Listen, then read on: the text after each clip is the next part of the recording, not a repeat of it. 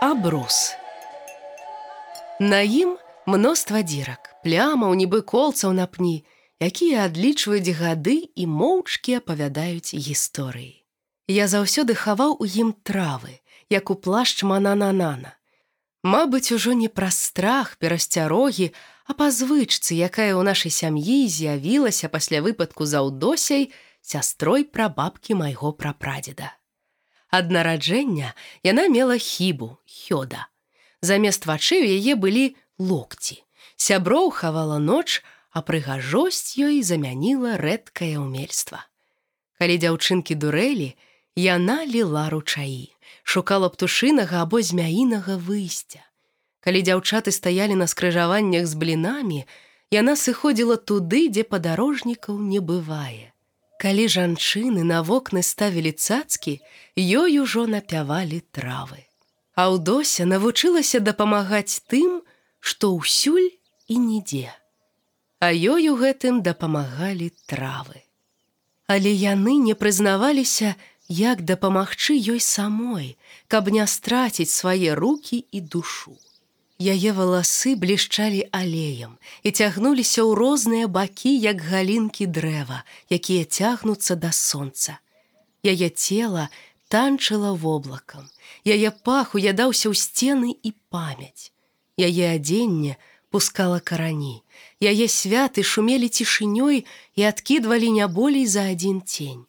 Яе люстэркі не мяняліся, застыўшы карцінай. Ад таго яе не любілі і ўсялякае казалі, што шатам яе суджаны, а кадук бацька, што крумкачам яна князёўна, што пад языком у яе пчаліны вулей, а ў вушах бяздонныя варонкі.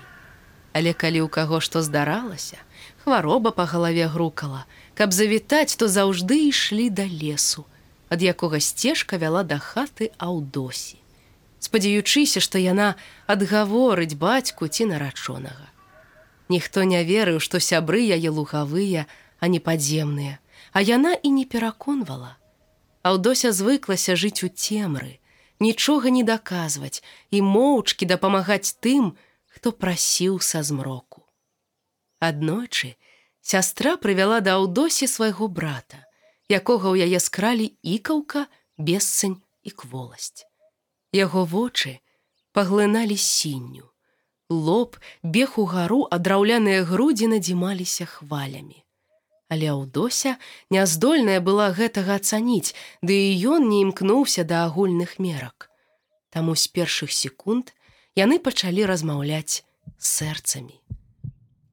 Ён ціха, нячутна для іншых адстукваў ёй: «Вітаю, А яе сэрца ў адказ адстуквала: і вам добрага дня. Тры ветахі ён прыходзіў да аўдосі праз лес сцяжынкаю. Увесь гэты час яна паіла яго дзевяццю адварамі з дзевяці раслін. А на новы месяц, калі ікаўка бесцанік воласць адступілі, ён не сышоў, каб застацца з ёй назаўжды. З той ночы ён стаў ейнымі вачыма, рукамі і нагамі а яна ягоным сэрцам.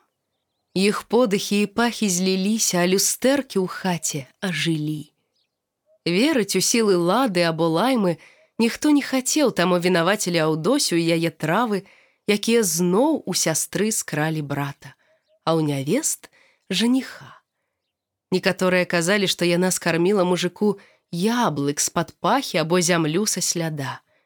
Стрываць чужое шчасце складана, а пагатоў такое. Удзень, калі сонца больш звычайнага бывае ў гасцях, а ў досю знайшлі ў княстве русалак. А каханы яе пасля таго з гора сышоў у княства сляпога і тлустага багніка. З тых часоў у нашай сям'і заўсёды хавалі травы, каб людзей не гнявіць, каб па старой памяці зноў чаго благога не падумалі і кепскага, не ўчынілі. Мастацкі падкаст па кнізе кірыла стаселькі пімкі агучвала Крысціна дробыш.